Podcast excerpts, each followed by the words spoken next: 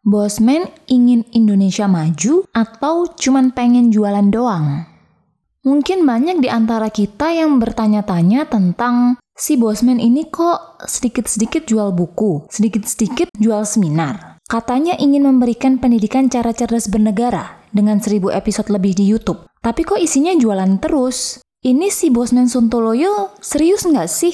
Anda ini ikhlas apa enggak? Katanya ingin membangun bangsa. Menurut kami, untuk membangun Indonesia membutuhkan dana yang tidak sedikit. Kalau Anda ingin menjadi presiden, butuh triliunan untuk dapat ikut pemilu. Untuk memberikan makan orang miskin dan anak yatim saja, tentu membutuhkan uang. Membuat bisnis untuk membuka lapangan pekerjaan, tentu butuh banyak uang.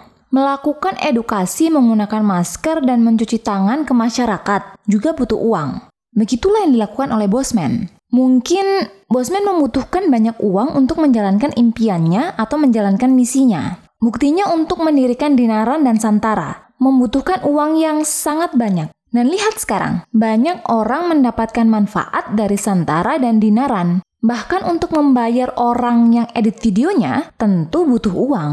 Saat Bosman menjual berbagai macam hal dari buku, seminar, jualan emas di dinaran, itu sah-sah saja selama apa yang dijual memberikan manfaat untuk orang lain. Toh sejauh ini apa yang dibuat juga bermanfaat bagi orang banyak. Dia menjadi mentor untuk banyak bisnis UKM. Akhirnya UKM-nya berkembang dan membuka banyak lapangan pekerjaan. Membangun Indonesia memang tidak mudah, tapi selalu ada jalan.